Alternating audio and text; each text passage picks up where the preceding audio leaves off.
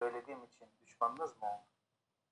Başkaları sizi kazanmaya gayret ediyor ama niyetleri iyi değil. Kendileri için gayret edesiniz diye sizi bizden ayırmak istiyorlar. Niyet iyiyse yalnız aranızda olduğum zaman değil, her zaman gayretli olmak iyidir. Çocuklarım, Mesih sizde biçimleninceye dek sizin için yine doğum ağrısı çekiyorum. Şimdi yanınızda bulunmayı ve sesimin tonunu değiştirmeyi isterdim. Bu halinize şaşıyorum. Teşekkür ederiz. O zaman e, bugün yani ayet ayet gideceğiz. Hangi ayette neler, neler öğreniyoruz vesaire. E, öncelikle 8. E, ayete bakacağız. Yani Pavlus şöyle başlamış bu bölüme. Ne var ki eskiden Tanrı'yı tanımadığınız zamanlarda gerçek olmayan tanrılara kölelik ettiniz. Burada aslında e, şunu yani Pavlus Galatyalılara biraz geçmişi hani hatırlatıyor. Eskiden Galatyalılar neye inanıyorlardı? İşte pagan kültürüne sahiplerdi ve putları tapıyorlardı genel olarak. Ve e, Pavlus biraz bunu hani şey tekrardan nasıl diyeyim göstermeye çalışmış. Ama burada şöyle önemli bir aslında terim var. Tanrı'yı tanımak ne demek? Yani mesela sözlüğe baktığınızda tanımak eylemi, fiili ne olarak geçiyor? İşte bir şey hakkında bilgi sahibi olmak, bir şeyi bilmek ya da birini bilmek vesaire. O zaman Tanrı'yı tanımak derken aslında yani Tanrı'yı bilmek diye basit bir şey diyebilir miyiz diye e, bir aklıma soru geldi ve şöyle bir şey düşündüm. Yani aklıma da bu sırada Romalılardan e, bir ayet geldi. Romalılar 1.21. Orada yine Pavlus Yahudiler için şöyle bir şey diyor. E, Tanrı'yı bildikleri halde Tanrı'ya şükretmediler. E, Tanrı'ya yüceltmediler. Böyle kötü düşünceleri içinde işte e, nasıl diyeyim? İşte kötü düşünceler içinde yaşayıp gittiler. Ama şu çok önemli. Tanrı'yı bildikleri halde e, onu yüceltmediler. Yani aslında Tanrı'yı sadece bilmek, Tanrı'yı tanımak e, yetmiyor.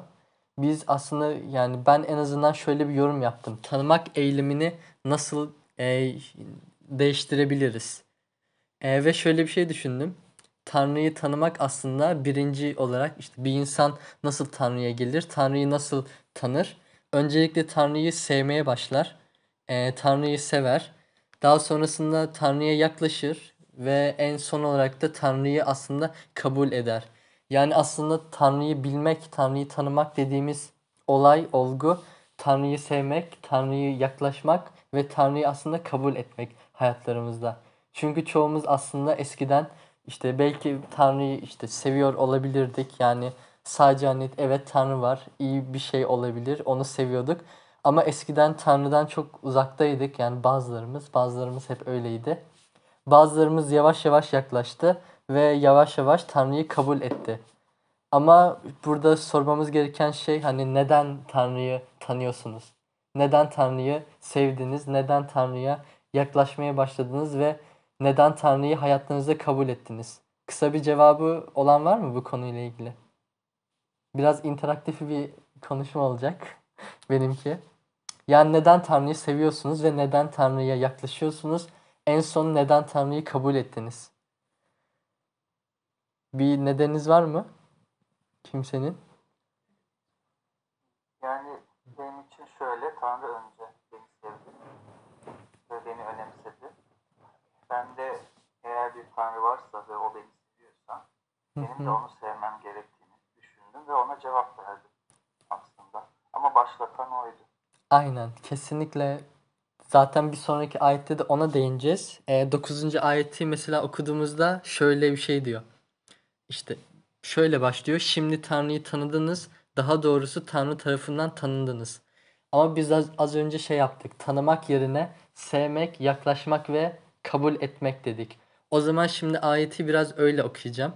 Mesela tanımak yerine bu üç eylemi yani bu üç fiili koyacağım. Ee, şimdi Tanrı'yı e, sevdiniz, Tanrı'ya yaklaştınız ve Tanrı'yı kabul ettiniz.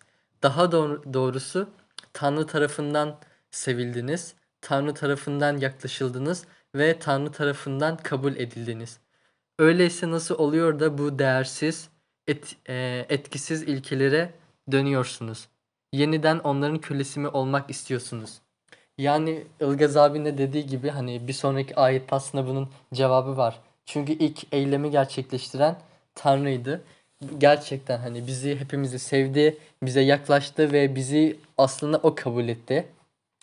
Ve bunu aslında fiziksel bir şekilde gösterdi. Hepimizin bildiği gibi Çarmıh'ta İsa e, rolüyle e, bunu gösterdi. Bir nasıl diyeyim somut ve fiziksel bir şekilde bizi sevdiğini, bize yaklaştığını ve bizi kabul ettiğini orada gösterdi ve bizden de Tanrı'yı tanımamızı aslında kendisini tanımamızı böyle istiyor. Ve yine aslında 1. Korintliler 8. bölümde şöyle bir şey diyor e, Pavlus. E, eğer Tanrı'yı seviyorsanız Tanrı zaten bunu biliyor. Yani Tanrı kendini seveni zaten e, bilir diye bir e, nasıl diyeyim bir şey söylüyor. Daha sonra bu şeylere dönüyor. Fark ettiyseniz işte etkisiz ilkelere dönmek, işte yeniden eski şeylerin kölesi olmak vesaire. Yine hatırlayacağınız gibi az önce de dedik e, Galatyalılar pagan kültüründen gelen işte putlara e, tapan insanlardı. Ve aslında böyle şeyleri e, nasıl diyeyim insan eliyle yarat. Çünkü putlar bildiğiniz gibi insan eliyle yaratılmış şeyler genel olarak. İnsan eliyle yaratılan şeyleri aslında köle olmak gerçekten bu kuralların işte e, bir şeylerin boyundurluğu altında olmak demek. Hatta geçen hafta Luke da şey demişti bu kölelik ve özgürlük hani Tanrı'nın çocuğu olmak şeyinden bahsetmişti. Aslında bizler de köleydik ama Tanrı'nın çocuğu olduk, Tanrı'nın oğulları olduk ve aslında mirasçı olduk. Bu iki şöyle iki bir fark var. Putların kölesi olmak, bu işte kuralların kölesi olmak ve Tanrı'nın kölesi olmak ne demek? Ee, eğer işte bu e, etkili olmayan insan eliyle yaratılmış şeylerin kölesi olursak genelde biz de aslında maddeleşiriz. Çünkü putlar mesela maddeler. E, bu ma işte maddeleri taparsak, bu maddelerin kölesi olursak aslında biz de e, maddeleşmiş yani biraz putlaşmış oluruz. Ama eğer Tanrı'nın e, kölesi olursak özgürleşmiş köleler oluruz. Çünkü Tanrı'nın kölesi olmak aslında biraz da özgür bir köle olmak ve aslında kutsallaşmaya doğru gitmek. Bununla ilgili aslında şöyle bir e, ayetim var. Yani kutsal kitabın böyle bir ayeti var. Benim değil. E, Koloseliler 2. bölüm 20-21 hatta ben okuyayım. Çoğunuz da biliyorsunuzdur. Hemen bulayım. E, yine Pavlus şöyle diyor. Mesih'le birlikte ölüp dünyanın temel ilkelerinden kurtulduğunuza göre niçin dünyada yaşayanlar gibi şunu elleme, bunu tatma, şuna dokunma gibi kurallara uyuyorsunuz? Yani bunlar tabii ki iyi şeyler. Yani ee, nasıl diyeyim? E, Tanrı'nın kölesi olmak demek şöyle bir şey değil yani. Evet artık özgürüm, köleyim ama özgürüm, her şeyi yapabilirim demek değil. İnsan eliyle nasıl diyeyim yaratılmış şeyler yok olmuş. Yani geçen hafta da konuştuk biraz. Geçersiz saymak ne demek? Kutsal yasa geçersiz mi sayıldı? Mesela onun için İbraniler bölümünde Tanrı şey diyor. E, yani kutsal kitap İsa için diyor ki hani daha önce insan eliyle atanmış baş kahinler vardı ama İsa Tanrı'nın bizzat atadığı baş kahin. Yani aslında geçersiz kılmak dediğimiz şeyler bu yani insan eliyle yaratılmış şeyler. Biz özgürlükten, kurallardan bahsederken aslında şey demiyoruz. Ee, ne demiyoruz? Yani işte kötü niyetli olacağız, işte ahlaki olmayan şeyleri yapacağız demek değil. Aksine bunları zaten yapmalıyız çünkü biz bir kiliseyiz ve kilise aslında İsa'nın bedeni ve bizler de İsa'nın bu bedenin parçaları olarak hiç İsa'yı kötü niyetli bir şey yaparken hani duydunuz mu, gördünüz mü ya da ahlaksız bir şey yaptığını gördünüz mü? Görmediniz. Sizler de aslında yani biz de bir kuralların kölesi değiliz ama İsa'nın parçaları olarak İsa gibi yaşamaya hani ona benzemeye çalışan insanlarız. Bu yüzden aslında şey yani yeni gelen arkadaşlar da var. Şu aklıma geldi benim. Mesela din ne demek? Din kelime yani en derin etimolojisine baktığımız zaman kurallar bütünü demek. O yüzden aslında ben çoğu zaman işte müjdeyi, Hristiyanlığı insanlarla paylaşırken bir din olarak hiçbir zaman görmüyorum. Çünkü yani müjde hukuksal bir şey değil. Burada hukuk mezunu arkadaşlarımız da var. Müjde hukuksal bir şey değil, bir kurallar bütünü değil. Ama yani altında temelinde tabii kurallar ee, nasıl diyeyim yaşatan bir şey. Ama kesinlikle bir kural değil. Bir mesaj geldi de pardon. Ee, şöyle yani ben Hristiyanlığı yani din yerine aslında bir Tanrı ile olan bizim ilişkimiz olarak nitelendiriyorum. O yüzden aslında kuralların kölesi olmamak hani kölesi olmamak demek bu aslında bir hani din yüzünden şu kural var diye yapacağım, bu kural yok diye yapmayacağım vesaire demek değil. O aslında bizim içimizden gelen. Çünkü hepimiz bu kilisenin İsa'nın parçaları olduğumuz için içimizden gelen şeyler. Hani yani zorunda olduğumuz şeyler değil. Zaten yapmamız gereken ve zamanla yapıyor e, olmaya başlayacağımız şeyler. E, 10. ayet yine güzel. Özel günler, aylar, mevsimler ve yıllar kutluyorsunuz diyor Pavlus. Burada da yine şöyle bir aslında e, ayetim var. E, Romalılar 14, 5, 6. Hemen bakalım hatta ben açayım. 14, 5, 6. Burada şöyle bir şey diyor yine Pavlus kutsal kitap yani. Kimi bir günü başka bir günden üstün sayar, kimi her günü bir sayar. Herkesin kendi görüşüne tam güveni olsun. Belli bir günü kutlayan Rab için kutlar. Her şeyi yiyen bir saniye sürekli mesaj geliyor da. her şeyi yiyen eee Tanrı'ya şükrederek Rab için yer. Bazı şeyleri yemeyen de Rab için yemez ve Tanrı'ya eee, şükreder. Burada aslında şey yine üstteki konuyla biraz bağdaştıracağız. Yani iman ettikten sonra eski ritüellerimize devam etmeli miyiz? Yoksa etmemeli, etmemeli miyiz? Örneğin işte yani paganlar, Yahudiler de dahil olmak üzere e, ilk iman eden Yahudiler çoğu zaman işte Şabat vesaire bu tür ritüelleri olan şeyleri hep kutladılar. Hatta hani Pavlus da biraz buna karşı eleştiriler vesaire yaptı. Aslında bu olay yani herkeste bütün kültürlerde olan bir şey. Türkiye'de de bunu görüyoruz. Örneğin e, eskiden olan kurallar örneğin türbeye gitmek işte türbede dua etmek, bir işte Kur'an okutmak, sonra nasıl diyeyim bir imama gidip ondan dua istemek, böyle büyü yaptırmak, işte sonra aklımıza ne gelirse iş- işte mesela büyü, üfleme vesaire bu tür şeyler aslında hani altında insan eliyle yaratılmış şeyler. Tanrı'nın doğrudan koyduğu şeyler değil ve bunlar bizim hala biraz hayatlarımızda olmasının sebebi bizim eski ritüellerimizden kaynaklanan. Yani şu an Türkiye için konuşuyorum. Ee, çoğu insan mesela şöyle bir şey var. Daha önce e, Müslüman e, kavramının yani nasıl diyeyim kelimesinin anlamını bilen oldu mu ya da duyan? Müslüman işte daha çok Tanrı'ya sığınan. Efendim? Aynen teslim olan. Evet mesela teslim olan yine Tanrı'ya sığınan işte Allah'a sığınan gibi anlamları var. Mesela Türkiye'de bazı insanlarda şeyler görüyoruz hani korkularından dolayı biraz şey hani öbür anlamıyla kullanarak ben Müslümanım diyorlar. Ama hani şey normalde imanlılar Hristiyanlar ama şey hani korkularından dolayı Müslüman ne demek? Tanrı'ya sığınan demek. O zaman ben Müslümanım dersem işte aslında hani şey kötü bir şey yapmamış olacağım vesaire gibi. Ama tabii karşı tarafta bunun nasıl işte anlaşılacağı biraz hani garip oluyor. Bu arada şey bu bölümü biz 10 e, 12'ye kadar bir ikiye böleceğim. 12'den sonra başka bir konuya değineceğim. Şu ana kadar bir gidip e, yani 11'de bitirip oradan sonra bu her şeyi toplayacağım buraya kadar. Ondan sonra tekrar devam edeceğiz. E, 11. bölümde e, ayette ne diyor? Sizin için e, korkuyorum yoksa uğrunuza boş yere mi emek verdim diyor. Burada Pavlus neden korkuyor? Yani bir fikri olan var mı? Buraya kadar muhtemelen anladınız.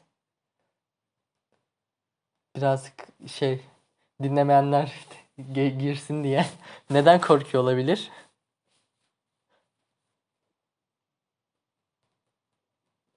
Mesela sizin için boş yere emek mi verdim diyor. Burada neden korkuyor?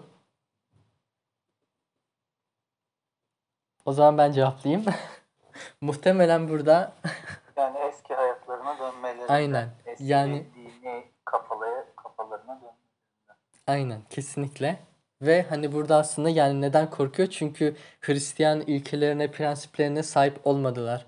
Burada şey eee, bir sonraki ayete geçmeden önce şunu hani detay olarak da şey şöyle bir şey bir yine referans ayet vereceğim.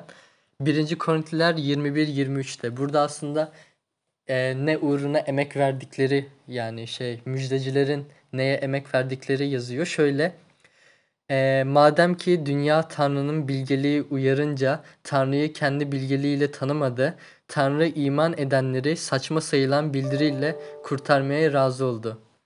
Yahudiler doğaüstü belirtiler ister, Greklerse bilgelik arar ama biz çarmıha gerilmiş Mesih duyuruyoruz. Aslında müjdeciliğin yani müjdeyi yayanların e, görevi nedir? Çok net bir şekilde çarmıha gerilmiş Mesih'i e, insanlara aktarmak, onun hakkında e, insanlarla konuşmak. Ama mesela burada şöyle bir şey, e, iki farklı şeyden bahsedeceğim. Birincisi müjdeyi duyurmak ne demek? İkincisi ise müjdeyi gerçek yani doğru olarak eee, duyurmak ne demek? Mesela işte çoğumuz işte bütün yani ülkelerde bu oluyor. Müjdeyi duyurmak demek hani insanlar İsa hakkında paylaşmak, onunla ilgili işte bir insanla konuşmak, onu işte şey nasıl diyeyim ruhsal olarak beslemeye çalışmak vesaire eee, olarak yani görüyor. Ama doğru bir şekilde e, yaymak müjdeyi nasıl oluyor? Aslında bunu biraz tartışmamız gerek. Çünkü aslında müjde biraz da yatırım gibi bir şey. Yani biraz burada ekonomiyle ilgilenen arkadaşlarımız da var. Biraz yatırım yapmak gibi. Bir insana yatırım yapmak gibi. Hepimiz biliyoruz ki mesela e, geçen hafta Luke da bahsetti. Bu artık siz Tanrı'nın çocuklarısınız. Ve bir çocuk e, neye ihtiyaç duyar? Bir işte bakıcıya yani ona onunla ilgilenecek kişiye vesaire e, ihtiyaç duyar. Mesela burada şeyi soracağım. Aziz abi ve Jordan'a mesela işte Juda'yı evde bırakıp dışarı çıkıp gezseler Juda'nın sonu ne olur? Hani birkaç gün Juda'yı evde bırakıp gittiniz. Bir şey olmaz. Hiç mi? Yani bunun yani psikolojik olarak bazı sonuçları var. Yani biraz şey. Ben de psikoloji derslerinden hatırlıyorum. Böyle çocukla ilgilenmezsek, işte bebeklerle ilgilenmezsek, onları bir köşeye atıp bırakırsak ileride psikolojik olarak çok özgüvensiz, çok böyle işte nasıl diyeyim kendinden emin olmayan insanlar oluyor. Aslında müjdelemek de bir insana müjdeyi vermek de böyle bir şey. Aslında orada da bir çocuk gibi aslında o kişiyle ilgilenmek, o kişiyle sürekli e, sohbet etmek, muhabbet etmek. Çünkü henüz bir bebek olduğu için yeni imanlı bir kişi. Burada da bazımızın böyle kulağına küpe olabilir. Yeni insanlarla konuşan, işte onları yani yeni imanlarla konuşan ve onlarla işte iletişimini sürdüren. Aslında müjdeyi doğru yaymak işte bir bakıcı rolü gibi ve işte bu bakıcı rolü aslında bir kardeşliğin bakıcı rolüne eee, çevrilmiş hali. Eee, yine burada işte Paulus şey diyor. Yoksa uğrunuza boş yere mi emek verdim? Burada sorgulanması gereken şey müjde aslında doğru mu işte nasıl diyeyim yayıldı, doğru mu şey yapıldı? Tabii burada bir eleştiri yapmayacağım. Zaten bunun cevabını aşağıdaki ayetlerde biraz inceleyeceğiz. İki tane sorun, işte iki problem çıkıyor. Bunun iki cevabını vereceğiz. Ee, buraya kadar Pavlus Galatyalılarla ilgili e, kaygılarından bahsediyor. Sonra biraz kendi şeylerinden bahsediyor. Burada ama en başa biraz geri döneceğim. Buraya kadar gelmişken. Mesela biz şeyden bahsettik. Bir örnek verdik. Ee, en iyi arkadaşınız ama aslında sürekli arkasından konuştuğunuz insan sizin gerçekten arkadaşınız mı değil mi onu sormuştuk. Ve cevap hayır çıkmıştı. O zaman buradaki bu soruyu biraz değiştireceğim. Siz gerçekten hani şey sadece imanlıyım diyerek işte ben İsa Mesih'i takip ediyorum diyerek eski ritüelleri devam ettirmek, işte eski özel günleri kutlamak. Yani şu an afaki söylüyorum işte Ramazan'da oruç tutmak vesaire kesinlikle bunlar afaki şeyler şu an aklıma gelen. Hani bunları yapmak, işte namaz kılmak ama ben namaz kılarken işte hep İsa ile ilgili dua ediyorum vesaire demek. Ee, bir ihanet gibi bir şey midir? Çok ağır olmadan. Yani o hani şey sadece imanlıyım deyip işte ben Hristiyanım deyip ama eski ritüelleri geri dönmek şey midir? Yani doğru bir şey midir? Bununla ilgili cevabı olan var mı?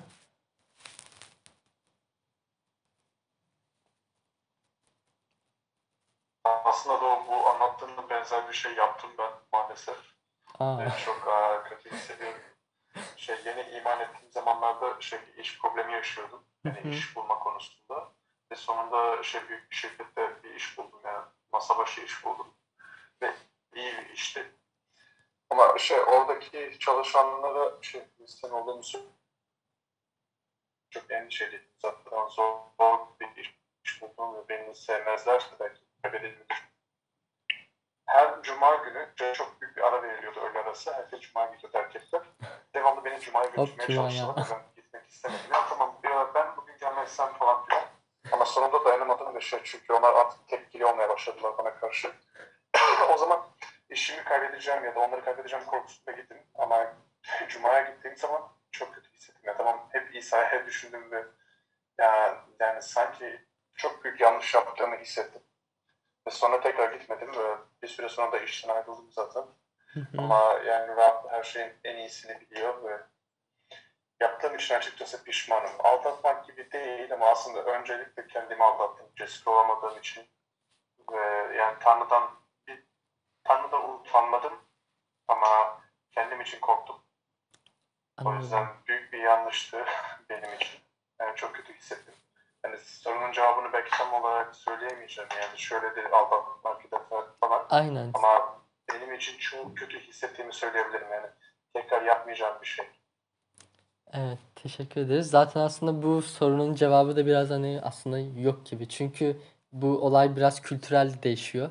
Ama aslında her şey tabii içte hani kalple bittiği için yine nasıl diyeyim hani ihanet etmek diyemeyiz ama bunu sürekli sürdürmek, sürekli yapmak biraz şey olabilir. Hani nasıl diyeyim olumsuz etkilenebilir insan. Bunun için aslında ne yapmamız gerekiyor? Tanrı ile biraz baş başa kalmamız gerekiyor. Çünkü Türkiye'de gerçekten hani Hristiyan olmak, hani imanlı olmak biraz zor bir şey.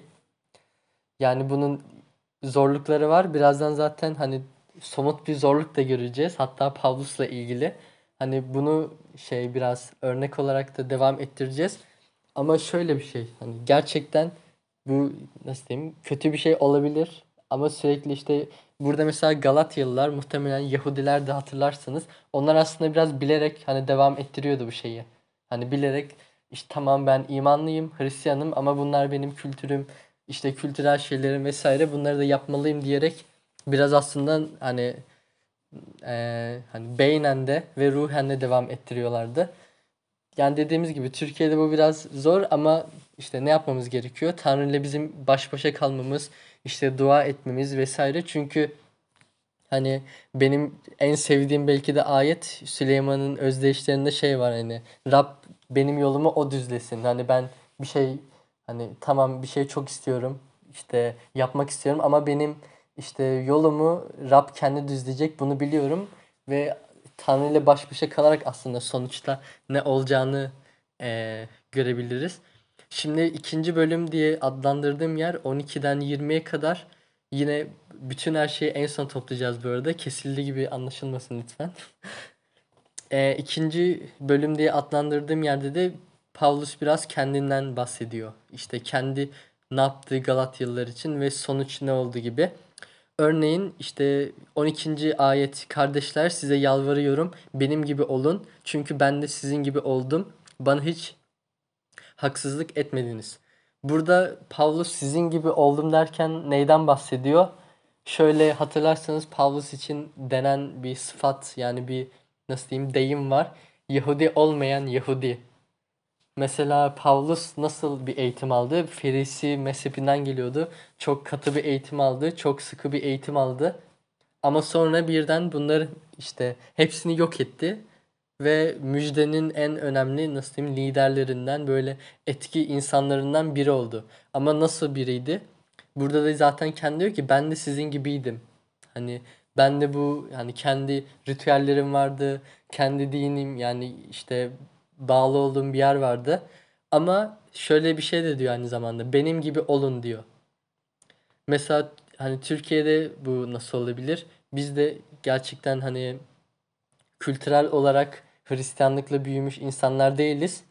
Ama öyle yaşamamıza rağmen iman ettikten sonra artık biraz Pavluslaşmamız gerekiyor. Çünkü Pavlus gerçekten çok büyük bir hani din, kutsal kitap uzmanı, işte Yahudiliği çok iyi bilen biri ama bir anda yani bir anda demeyeyim tabii bir süreç var. Hatta bu sürecin içinde de süreçlerin süreci var. Ama bir anda yani nasıl müjdenin e, öncüsü olduğu, nasıl bir cesaretle hani şey daha önceden Hristiyanları katleden bir insan daha sonra nasıl eziyetler çekti, işte hapse atıldı, tutuklandığı bir sürü şey yaşadı. İşte benim gibi olun derken bundan bahsediyor Pavlus. Biraz şey hani ben böyleydim siz de böyle olabilirsiniz. Bakın ben çok işte iyi bir kutsal kitap uzmanıydım. İşte Ferisi mezhebinden geliyordum. Çok katı bir Yahudiydim ama daha sonrasında nasıl imanlı oldum. Biraz benim gibi hani olun diyor. Ben eskiden kuralların işte kölesiydim. Fakat artık Tanrı'nın kölesiyim. Eskiden o e, ilk bölümde de bahsettik. Kuralların kölesi olduk ama şimdi Tanrı'nın özgürleşmiş e, kölesi e, oluyoruz diyebilirim. 13. ayette bildiğiniz gibi müjdeyi size ilk kez bedensel hastalığım nedeniyle bildirmiştim. Genelde Paulus işte mektuplarına başlarken hep şeyden bahseder. Ben sizin yanınıza korkuyla gelmiştim. İşte tir tir titriyordum. Ama gelişimin bir sebebi vardı. O da gerçeği size anlatmak. Tanrı'nın gücünü size göstermek. Aslında burada da muhtemelen Paulus işte Galatya'ya tedavi için geliyor. Ama yine aklındaki düşünce ne? İşte Tanrı'nın müjdesini Galatyalı insanlara, Galatyalılara e, bildirebilmek. Peki burada şey bedensel hastalığı neydi Pavlus'un? E, bir 14. ayet okuyalım. E, şöyle diyor. Bedensel durumum sizin için çetin bir deneme olduğu halde beni ne hor gördünüz ne reddettiniz. Tanrı'nın bir meleğini hatta Mesih İsa'yı kabul eder gibi kabul ettiniz beni. Bu Galatyalılar kitabının sonuna bakınca şöyle bir şey var. Hani Pavlus şey diyor. Hani bu mektubu size kendi elimle ve büyük harflerle yazıyorum. Burada aslında bedensel hastalığı biraz hani gün yüzüne çıkmış gibi. Daha önceki ya da daha bazı daha sonraki mektuplarında başkası genelde e, yazıyor şeyi. Başkasına yazdırıyor mektubunu. Ama burada şey diyor. Size kendi elimle yazıyorum ve büyük harflerle yazıyorum. Neden büyük harflerle yazıyor olabilir? Çünkü aslında biraz bedensel o hastalığına değinmiş. Hani büyük harflerle yazıyor çünkü gözleri işte biraz az görüyor. Neden az gördün gördüğüne de şimdi değineceğiz. Ee, 15-16 ile birleştirelim hatta burayı. 15-16'da şey diyor. Şimdi o sevincinize ne oldu? Sizin için e, tanıklık ederim ki elinizden gelse gözlerinizi oyar bana verirdiniz. Peki size gerçeği söylediğim için düşmanınız mı oldum? Yine burada da aslında hani şey çok bariz şey var. Elinizden gelse gözlerinizi oyar bana verirdiniz. Hani bedensel hastalığımdan sonra demiş ki hani bu çetin bir denemeydi. Sizin elinizden gelse gözlerinizi bile bana verirdiniz. Aslında burada biraz hani şey somut olarak ortaya çıkıyor. Bu bedensel hastalık işte gözlerinin aslında azıcık göremiyor olmasıydı. Ama burada sormamız gereken soru bedensel hastalık ne değil de bedensel hastalığı ne zaman meydana geldi? Hatırlayan var mı? Ya da bir fikri olan var mı?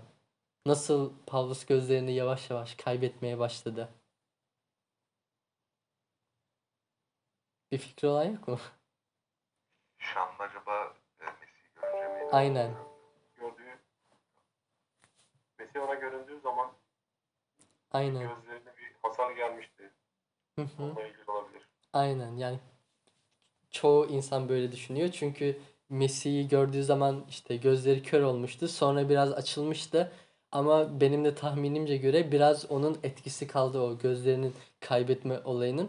Aslında bunun da şöyle bir şey var. Hani hepimiz diyoruz İsa'yı izlemenin bir bedeli var. İşte bir sonucu var.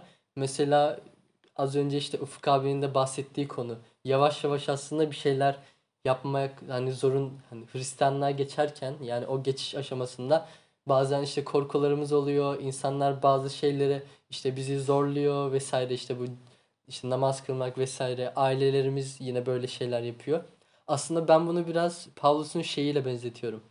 Bu gözlerinin bir e, yavaş yavaş hani kaybolması Hristiyan olduktan sonra yani şey iman ettikten sonra imanlı bir birey olduktan sonra gözleri yavaş yavaş kayboldu. Hani bu da aslında bizim az önce değindiğimiz konu. Biz eski ritüellerimizi yapmamaya çalışsak da biz bazen zorla yapabiliyoruz aslında. Biz de bazı zorluklar altındayız. Hala eski şeylerimizle yarışıyoruz. Eski şeylerimizle savaşıyoruz. Yeni iman etmiş biri ola- olanlar hani mesela düşünebilir. Hatta yani çoğu uzun yıllarını harcamış imanlar da düşünebilir. Bazen hala böyle sürekli tekrarladığımız günahlar oluyor. Kurtulamadığımız şeyler oluyor. Bu aslında bizim hani eski yaşamımızdan kalan zorluklar. Nasıl diyeyim? Eskiden çünkü hani şey e, günah işliyorduk. Bilerek, bilmeyerek vesaire. Şimdi işte Hristiyan olduk, günah işlememeye çalışıyoruz ama hala içimizde bir savaş var. İşte günahın savaşı ve kutsal ruhun savaşı. O yüzden aslında Pavlus'un bu gözlerini kaybetme olayını biraz onunla bağdaş, bağdaştırıyorum ben. Bizde işte ruhumuz temizleniyor ama hala bir savaş içindeyiz. Hala bir yerde bir eksik var. Günah işleten işte bizi biraz trigger eden bir şeyler her zaman oluyor. Ee, daha sonrasında şöyle bir şey var. Hani iki farklı davranıştan bahsediyor Pavlus Galatyalıların. Birincisi beni çok sevdiniz. İşte ben geldiğimde beni o kadar çok sevdiniz ki hani şey gözlerinizi verecektiniz. İkincisi ise beni düşmanınız gibi görmeye başladınız. Yani şimdi bana düşman mı oldunuz? Bunu şimdi Türkçe'de bir atasözü var. Bunu Amerikalılara soracağım biliyorlar mı diye. Ee, şöyle bir deyim atasözümüz var bizim. Doğru söyleyeni dokuz köyden kovarlar. Bilen var mı? Hiç Amerikalı bilmiyor mu? Doğru söyleyeni dokuz köyden kovarlar. Bilmiyor musun? Kol bilmiyormuş. Mu- Neyse ben açıklayayım. Şöyle bir şey. Eğer işte bu e, atasözünün anlamı eğer siz gerçek doğru bir şey söylüyorsanız ama o karşınızdaki kişi için yani e, beğenilmeyecek, sevilmeyecek bir şeyse o kişi sizden nefret etmeye başlar. O kişi sizden hoşlanmamaya başlar. Bu atasözü de işte aklınızda bulunsun söylersiniz. Doğru söyleyeni dokuz köyden kovarlar. Yine aynı şekilde Türkçe'de çok kullandığımız bir şey var. Gerçekler işte acı çektirir biraz. Hani gerçek bir şeyden bahsedersek e, biraz acıtır. Örneğin şey hani bu benim başıma çok gelen bir şey. İşte dünyada saniyede şu kadar insan zulme uğruyor, şu kadar insan ölüyor, böyle insanlar işte açlıktan, sefaletten ölüyor vesaire. Bunu birine anlattığım zaman bu gerçek bir şey. Ama işte kızmaya başlıyor karşı taraf biraz. Diyor ki ya işte moralimi bozuyorsun, modumu düşürüyorsun, işte söyleme falan tamam oluyor bize ne vesaire gibi. Hristiyanlık genelde hani biz gerçek hani müjde olarak gerçek olarak Hristiyanlığı görüyoruz ve Hristiyanlığı insanlara anlatırken aslında biraz yavaş yavaş bizi hani burada da mesela Paulus demiş ki beni severek karşıladınız ama sonra düşman mı olduk? Türkiye'de bunu çok yaşıyoruz. Mesela insanlara müjdeyi anlatırken aa sizde de mi öyle bizde de böyle işte Aa sizde şu mu var? Bizde de bu var. Aa o sizde peygamber mi? Bizde de bu peygamber. Çok ortak yanımız var vesaire. Ama yavaş yavaş İsa'nın kimliğinden işte o çarmıhtan sonrasını biraz konuşmaya başlayınca ne oluyor? Genelde insanlar kızmaya başlıyor bize. İşte İsa'nın kimliğinden bahsedince her şey iyi güzeldi ama hayır orada dur. Yani böyle bir şey yok. İşte Kur'an böyle diyor. İşte Tanrı işte Allah böyle diyor olan buydu vesaire gibi şeylerle aslında gerçeği biraz anlatırken zorluklarla karşılaşıyoruz. Muhtemelen Pavlus'un karşılaştığı şey de buydu. Hani beni severek karşılaştınız ama size gerçeği söylediğim için sizin düşmanınız mı oldum? Mesela az önce şey dedim benim o hep başıma gelen olay işte. İnsanlar ölüyor vesaire diye birinden bahsedi birine söyleyince o kişi bana kızıyor diyor ki yani bunu söyleme ya boş ver başka konuya geçelim falan. Aslında müjdenin de bu yanı var siz müjdeyi aslında bir kişiye anlatmadığınız zaman aslında dünyada o kişi hani biraz ölüme yaklaşıyor. Yani çok sert olmasın da konuşmalarım. Hani bir kişiye sen işte müjdeyi almadığın zaman aslında öleceksin. Gerçek bu gibi bir şey dersen aslında o sana kızmaya başlıyor. işte modu düşüyor vesaire. Hani ölümden bahsederken, sıradan bir ölümden bahsederken ve gerçek bir şeyden bahsederken insanlar bize kızabiliyor, düşman belirli işte belleyebiliyor. Ruhsal olarak da insanların ölümünden bahsederken yine aynı şeyi yaşıyoruz. Burada da işte aslında o şeye geliyor sonuç. Doğru söyleyeni dokuz köyden kovuyorlar. Nereye gidersek gidelim gerçeği anlatırsak insanlara biraz böyle hani hoş karşılanmıyoruz. Çünkü insanlar kültürel olarak vesaire işte bunu alamıyor. Müjdeyi işte alamıyorlar.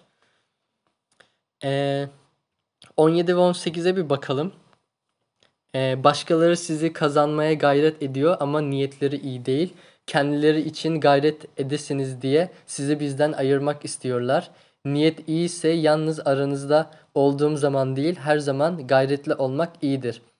Burada yine Pavlus önce bir başkalarından bahsetmiş. Kim bunlar derken işte Galatyalıların en başına dönelim. Birinci bölüm 7. ayete bakalım. Bir de ikinci bölüm 4. ayete bakalım. Hemen ben açayım hatta bakalım. Ee, birinci bölüm 7. ayette şöyle şey diyor. Yine Galatyalılar bölümündeyiz bu arada kitabındayız. Gerçekte başka bir müjde yoktur. Ancak aklınızı karıştırıp Mesih'in müjdesini çarpıtmak, çarpıtmak isteyenler vardır. Yine ikinci bölümde dördüncü ayette şöyle bir şey var. Ne var ki İsa Mesih'te sahip olduğumuz özgürlüğü el altından öğrenmek ve böylece bizi köleleştirmek için gizlice aramıza sızan sahte kardeşler vardır diyor. Yani burada biraz hani sahte öğretilerden bahsetmiş. Ama burada bahsedeceğimiz konu aslında biz en başında ne dedik? Tanrı'yı tanımak ve müjdeyi doğru bir şekilde yaymak. Bunları nasıl yapabiliriz? Bunun için 18. bölümden şey diyor. Niyet iyiyse yalnız aranızda olduğum zaman değil, her zaman gayretli olmak iyidir. Bu arada uzatıyorum biraz kusura bakmayın burada. şey, size kuzenimin hikayesinden bahsedeceğim. Benim kuzenim yeni imanlı birisi bu arada. Hani çoğunuz biliyor, birkaçınız bilmiyor. Şey yani bizim ulustan, Zaza ulusundan yeni iman etmiş birisi. Ama şöyle bir şey vardı. Hani orada yani Tunceli'de bu arada biz bilmeyenler için söylüyorum. Tunceliliyim ben. Kuzenim de orada yaşıyor. Oradaki müjdeyi işte onunla müjdeyi paylaşan arkadaşlar bir süre sonra İstanbul'a dönünce biraz yılgınlığa düştü. Yani şey dedi işte beni işte iman ettirdiler ama beni bırakıp terk edip gittiler. Biraz böyle kötü şeye düştü. Nasıl diyeyim? Yılgınlığa, Tanrı'dan uzaklaşmaya başladı. Bunun için aslında Paulus da şöyle bir şey diyor ya hani 18. ayette sadece aranızda olduğumuz zaman değil her zaman gayretli olmak iyidir. Yani sadece biz bir topluluk olarak değil de hepimiz yani birer yani birey olarak Tanrı'ya bağlıyız ve aslında bu yani kişiler arasında olan bir şey değil Tanrı ile doğrudan sizin aranızda olan bir şey. Zaten Pavlus hatırlarsanız şey diyordu. Yine Korintliler yani Korint'teyken sanırım diyordu ki siz hani benim için mi vaftiz oldunuz? Ya da çarmıha gerilen ben miydim? Hani yok ben Pavlus'un yancısıyım yok onun yancısıyım değil de hani siz neyi takip ediyorsunuz? Neyi izlemelisiniz? O yüzden aslında şey az önce Kristin işte şarkı şey ilahi açtı. Hani ne olursa olsun ben İsa'yı izlerim diyor orada da işte. Ee, yani güneşi taç yapıp başıma koysalar işte dünyayı halı diye önüme serseler ben yine de İsa'yı izlerim diyor. Ne olursa olsun. Aslında az önceki konumuz şeydi hatırlarsanız. Müjdeyi doğru yaymak derken iki tane problem karşımıza çıkıyordu. Birincisi müjdecinin sorunu işte şey bakıcılık yapmaması. İkincisi ise o işte yeni iman etmiş birinin müjdeyi çok doğru bir şekilde alamaması. Hani şey bir nasıl diyeyim e, toplulukmuş gibi onun gözünde gözükmesi. Halbuki şey yani, e, müjde yani böyle bir şey değil. Müjde Tanrı ile olan ilişki aslında. E, yeni iman etmiş birinin ikinci problemi genelde bu oluyor. Hani tamam ben iman ettiğim ortam çok güzel işte her şey çok güzel vesaire işte arkadaşlarım oldu onlarla takılıyorum falan ama onlar gidince ne oldu ben yılgınlığa düştüm Tanrı'dan uzaklaşmaya başladım hatta eski şeylere yavaş yavaş dönüyor gibi Tanrı'yı tanımak eyleminden biraz uzaklaşmış oluyoruz. Bu Tanrı'yı tanımak derken ne demiştik? Tanrı'yı sevmek, Tanrı'ya yaklaşmak, Tanrı'yı kabul etmek. Yavaş yavaş Tanrı'dan uzaklaşınca biraz işte sekteye uğruyoruz. Sevgimiz azalıyor. Hatta bazen çok kötü düşüncelere bile, karanlık e, düşüncelere bile dalabiliyoruz. Bir son 19 ve 20'yi okuyalım. Sonra hepsini bir ortak bir yerde toplayalım. E, çocuklarım Mesih sizde biçimleninceye kadar Ee, sizin için yine doğum ağrısı çekiyorum. Şimdi yanınızda bulunmayı ve sesimin tonunu değiştirmeyi isterdim. Bu halinize şaşıyorum. Burada gördüğünüz gibi doğum sancısı aslında aynı kişiye olan hani bir şey. Mesela işte Tolga abi, Ufuk abi onlar işte bebek bekliyor. Sizin arada doğum sancısı oluyor mu? Bilmiyorum ne kadar süre olur da. Öyle bir şey oluyor mu? Aynen yani sizde değil de ben şeyden bahsediyordum hani. O eşleriniz. Gamze abladan falan. Onlar da oluyordur. Değil mi? Oluyor şu anda. Ha, ama olacaktır illaki. Yani doğum sancısı neyin işte neticesinde olur? Efendim? İlla ki olacak. Aynen hani çocuk geliyor gelmek üzere onun şeyi aslında. Burada şey Paulus şey diyor ikinci kez yine doğum sancısı çekiyorum. Müjdesel olarak doğum sancısını ben şöyle yorumluyorum. Müjdeyi paylaştığımız kişiye dua etmek, onunla ilgili ilgilenmek hatta eğer o İsa'dan yani müjdeden uzaklaşırsa onun için üzülmek. Bu ikinci bir doğum sancısı. Çünkü yani en başta hatta geçen hafta Luke da söyledi. Yeni iman etmiş birisi eee, bir çocuk gibi yani yeniden doğmuş bir bebek gibi ve bunun doğum sancısını çeken de bir insan var.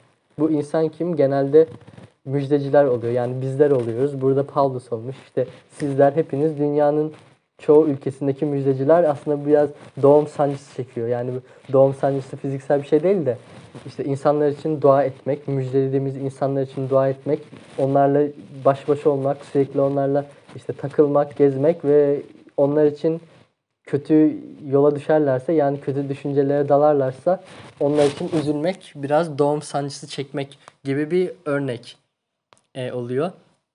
Biraz yani çok uzun bile sürdürdüm bu arada. Normalde yarım uzun sürmedi mi? Bence uzun sürdü neyse. Sonuç olarak işte nereye bağlayacağım? Üç tane sonuca bağlıyorum ben. Birincisi her şeye rağmen İsa yeterli mi? Birinci sonucum bu.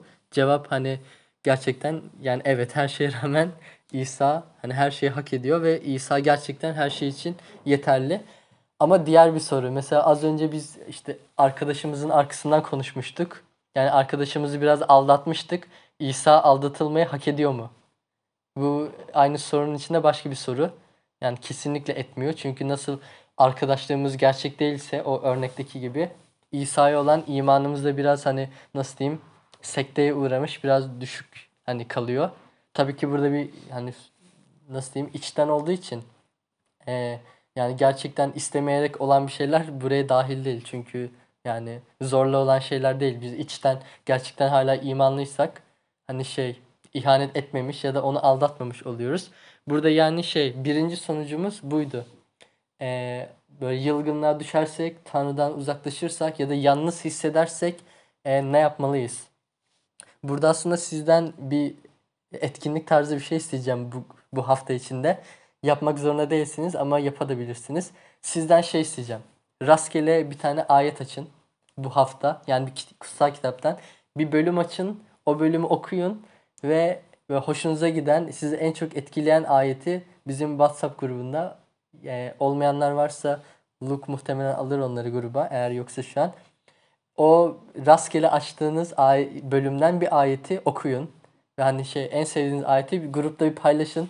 Ben de merak ediyorum ne sonuçlar çıkacak. Bunu işte siz de yap, yapmanızı rica edeceğim. Ve eğer yalnızlığa hani düşerseniz çünkü şu an fiziksel olarak da buluşamıyoruz. Gerçekten yalnızız. İşte buluşabiliriz. Ben mesela iki haftadır koltukta yatıyorum kollarda. Aynen. İşte imanlı arkadaşlarımızla buluşabiliriz. Yani hiç kimse yoksa kendimiz dua edebiliriz. Kendimiz Tanrı'ya yaklaşmaya, hani Tanrı'yı tanımaya, eğer tanımamaya başlıyorsak Tanrı tanımaya çalışabiliriz. Ee, ikinci şey müjde, müjdelediğimiz insanlar müjdeden uzaklaşırsa ne yapmalıyız? Burada Pavlus işte doğum sancısı çekmek derken hani şeyden biraz az önce de dedim onlar için dua etmek, onlar için hatta üzülmek ama onlarla aslında vakit geçirmek. Mesela yeni imanlar için gerçekten bu önemli bir şey olduğunu ben düşünüyorum. Çünkü bazen insanlar gerçekten aa bu kadar mıydı işte o kadar konuştuk işte ben iman ettim şimdi çok yalnızım vesaire gibi düşünebiliyorlar. Onlar için hani bu nasıl diyeyim eee, bilerek istenerek yapılan bir şey değil. Onlar için biz hani dua edebiliriz. Onlarla takılabiliriz, işte zaman geçirebiliriz. En kötü kar yağıyor gidip sahlep içebiliriz. Ya da işte çikolata, sıcak çikolata içebiliriz. Vesaire gibi böyle çeşitli uygulamalar eee, olabilir. Son olarak eee bir sonuçta şöyle bir şey. Tanrı'yı sorgulamaya başladıysak ne yapabiliriz? Yine aslında bunların hepsi tek bir çatıda toplanıyor. Biz bir topluluğuz, aynı bedenin üyeleriyiz. İşte beraber birbirimizi desteklersek aslında uzaklaşmayız Tanrı'dan ve birbirimiz için dua edersek, işte müjdelediğimiz insanlar için dua edersek gerçekten hani bu yaşanan şeyleri hayatlarımızda uygulamış olacağız. Zaten kapanış için bir ben dua edeceğim. Sonra sorularınız veya eklemek istediğiniz şey varsa onları alacağım. Çok konuştum kusura bakmayın. Dua edin ben. Böyle bir kapanış yapalım. Sonra siz işte sorularınız varsa alalım. Olur mu? Olur. O zaman ben dua edeyim. E, Rab, e, Göksel babamız bugün senin önüne geldik. Senin e, sözlerini yorumlamaya, senin sözlerinden öğrenmeye e, çalıştık. Rab biz seni çok seviyoruz ve sen de bizi çok seviyorsun. Bunu biliyoruz çünkü ilk sen sevdin, ilk sen yaklaştın ve bizi ilk sen kabul ettin. E, çarmıhtaki eyleminle bizi bize sevgini somut olarak gösterdin. Biz de seni çok seviyoruz ve seni tanımaya çalışıyoruz aslında. Sana şükretmeye çalışıyoruz ve e, seni yüceltmeye çalışıyoruz. Kiliselerimizde her yerde yalnız olduğumuzda dahi bizim tek e, amacımız seni yüceltmek, seni sana şükretmek. E, bunun için sana dua etmek istiyoruz. E, senin önüne geldik ve senin sözlerini doğru bir şekilde öğrenmeye çalıştık. E, e, söylediğimiz her şey senin yani dilimizden çıkan her şey senin sözlerin olmasını, ruhumuzdan çıkan her şeyin sana uygun ve aklımızda anladığımız her şeyin sana uygun bir şekilde e, anlaşılmış olmasını istiyoruz. Öncelikle bunun için dua ediyoruz ve son olarak bugün öğrendiklerimiz için dua etmek istiyoruz. Rab e, pandemi dönemi çok yalnızlık çekebiliyoruz veya kardeşlerimizle buluşamıyoruz. Bunlar için, bu olaylar için sana dua etmek istiyorum. Rab biz yalnız olabiliriz ama hiçbir zaman yalnız değiliz. Ne zaman e, yalnızsak da sen bizim yanımızdasın e, biliyorum.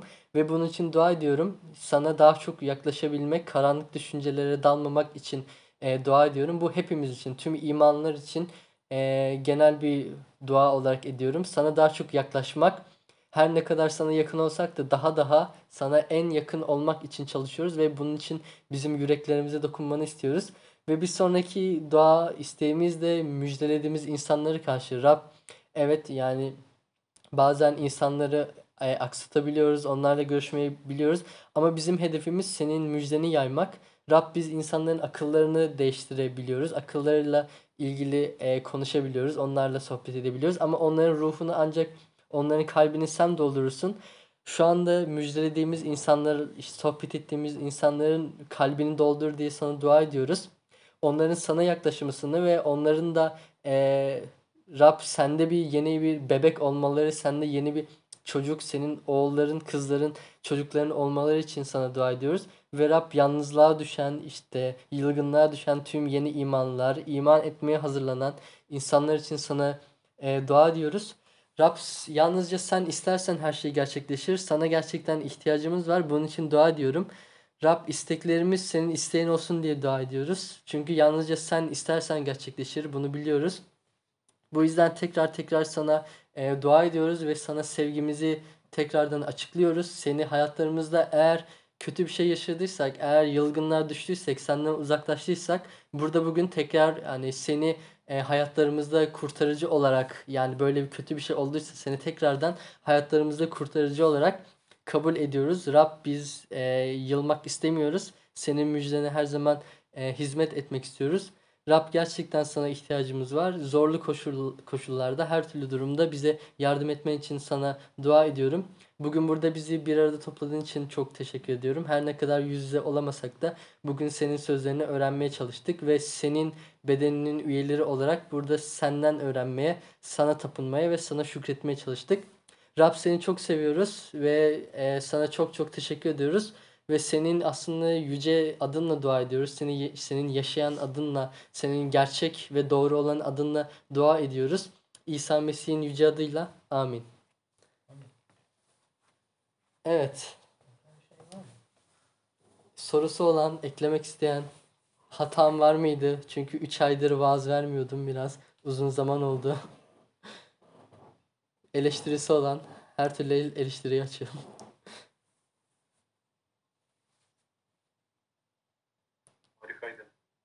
Teşekkürler.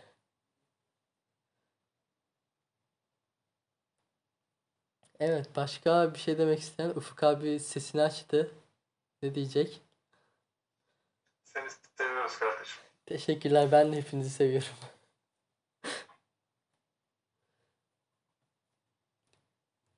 Evet, başka Volkan abi, Yılmaz, Alp bir şey demek ister misiniz? İlker Çok uzun zamandır yoksun. Teşekkür ederim.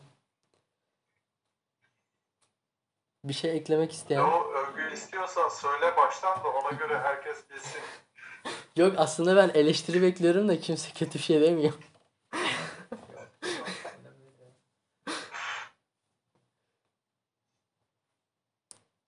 Ağzına sağlık kardeşim. Teşekkürler. Bence bugün dua isteklerine geçebiliriz. Evet ke- kesinlikle. Dua isteği olan. Bugün Emily yok mu ya?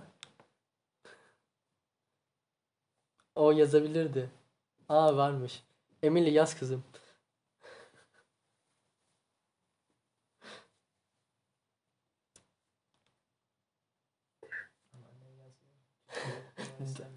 Dua isteği olan var mı arkadaşlar? Kardeşler? Aslında bizim var. Aa, biz belki eşimle bir hafta, neredeyse beş gün önce koronavirüs bir akrabamızla zaman geçirdik. Birkaç gün Aa, bizim evde. O yüzden çok korkuyorduk. Ee, dün, pardon, Cuma günü test yaptırdık ama negatif çıktı. Ama hala endişeliyiz. Yani koronavirüsü olacak, kapacak mıyız, kapmadık mı?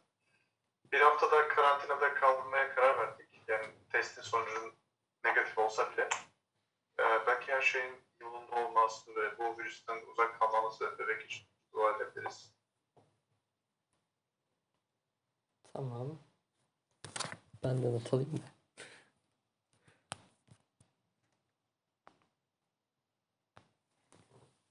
Başka dua isteği olan belki fiziksel buluşabilmemiz için dua edebiliriz.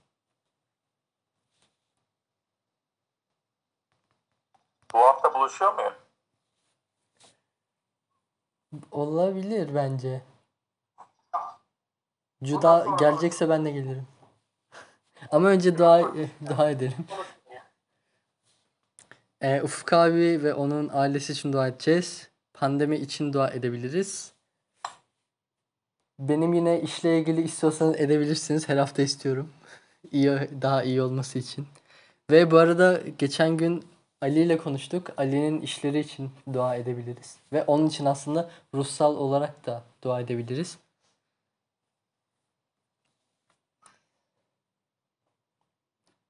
Evet. Başka isteği olan?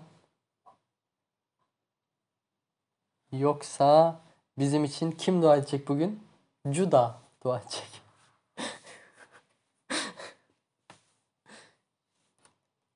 Hazır o. Tamam o zaman eee, etsin. Bekliyoruz. ediyor şu an. Ama bilinmeyen dillerle ediyor. O zaman dua etmek isteyen var mı yoksa ben mi seçeyim? Bence duayı sen edebilirsin kardeşim. Ben mi edeyim? Olur. Ederim. Az önce etmiştim ben. Tamam bir daha edeyim.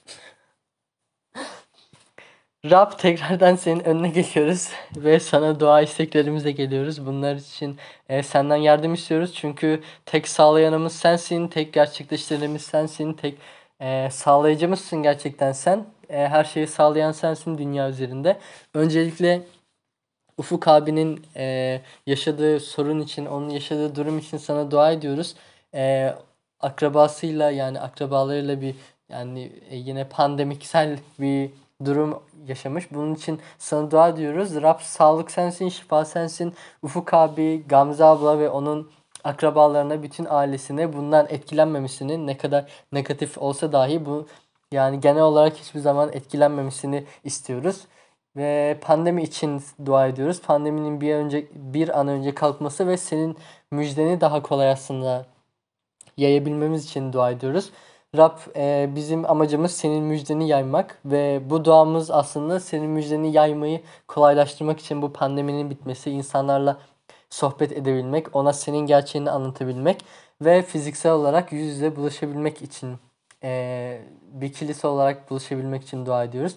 Bunun dışında kilisemizde üyelerimizin, aile kardeşlerimizin yaşadığı işsel problemler için ve özellikle Ali için dua ediyoruz. O uzun zamandır bize katılamıyor ama çok yoğun. Ve onunla konuştuk. Gerçekten yoğun. Sürekli çalışıyor. Bizle vakit geçiremiyor. Onun için dua ediyoruz. Onun işlerinin rast gelmesi için, onun işlerinin daha kolaylaştırılması için daha sakin bir şekilde yani daha bizle vakit ayırabilecek şekilde ve kendisini e, dinlenebilecek şekilde ayarlanabilmesi için e, senden yardım istiyoruz ve bunun için dua istiyoruz. Bunun dışında ben kendim için dua etmek istiyorum. Rab zaten sen hepimizin kalbini okuyorsun ve benim kalbimi de okuyorsun. Benim yüreğimdeki her şeyi biliyorsun ve bunun için sana dua ediyorum. İş için ve başka bir şeyler için. Bu yüreğimden yani dilimden söyleyemediğim ama yüre- yüreğimden söylediğim e, şey için senden yardım istiyorum. Rab tekrardan e, seni yüceltiyoruz ve seni sana övgüler sunuyoruz. Senin önünde senden yardım istiyoruz. Çünkü tek sağlayıcımız sensin. Rab bizi bugün burada topladın. Sana tekrar tekrar tekrar ve tekrar çok teşekkür ediyoruz. Ve seni çok çok seviyoruz. E, İsa Mesih'in adıyla amin. Kaçırdığım şey oldu mu? Evet. Tamam abi. Biraz konuşabiliriz. Bu hafta e, görüşecektik. Biz hala görüşebiliriz. Fakat ben baktım e,